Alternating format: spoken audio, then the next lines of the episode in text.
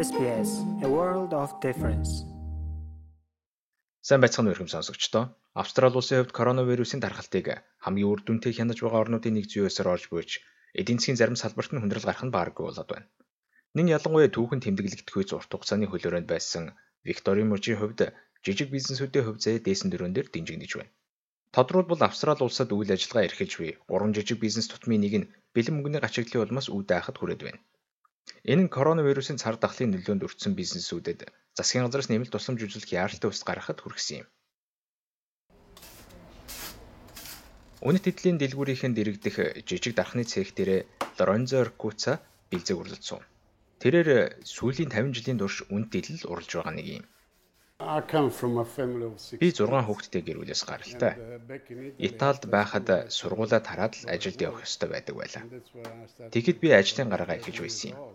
Яг 11 настай байсан үе. Дөрөв хүүхдийн өвөө болсон тэрээр хизээ нэгэн цагт хүн бизнесийг нь үргэлжлүүлэх тэр өдрийг дэс яадаг үлээсэн. Гэвч Мельбурн хотын хоёр удаагийн хөл хорой гэр бүлийн бизнесийг нь хутганы ирэн дээр аварч чадвав. Бид арай л гэж амиа гаргацааж байна. Би ажлаа сайн мэддэг. Гэвч хүмүүс өөр байдлаар хандаж эхэлбэл ирээдүйн маш бүрхэн болох гэдэг байна.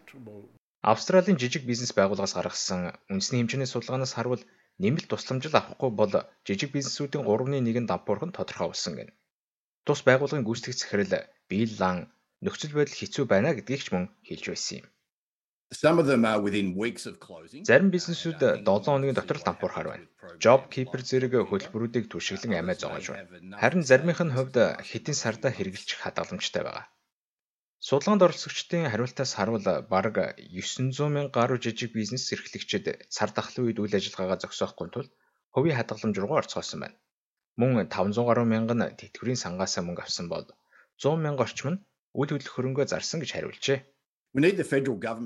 Бизнесүүдийн зардлыг нөхөхөд туслах санхүүгийн дэмжлэгийг холбооны засгийн газраас үзүүлэх хэрэгтэй байна. Бизнес эрхлэгчид орлого олох боломжийг өгөх хэрэгтэй байна.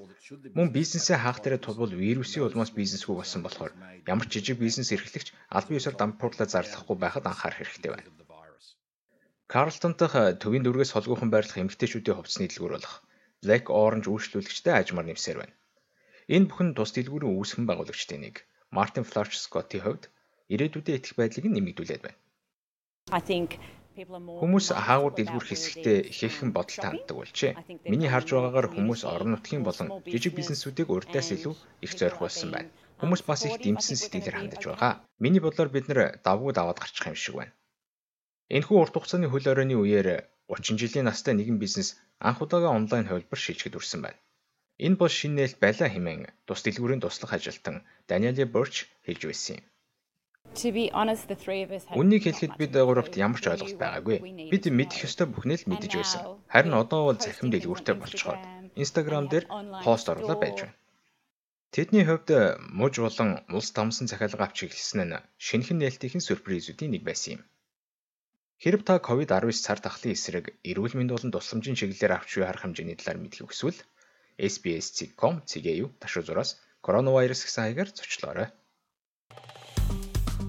лайк, шеэр, комент үлдээгээрэй. SBS Монгол Facebook хуудсыг дагахаа мартаоцай.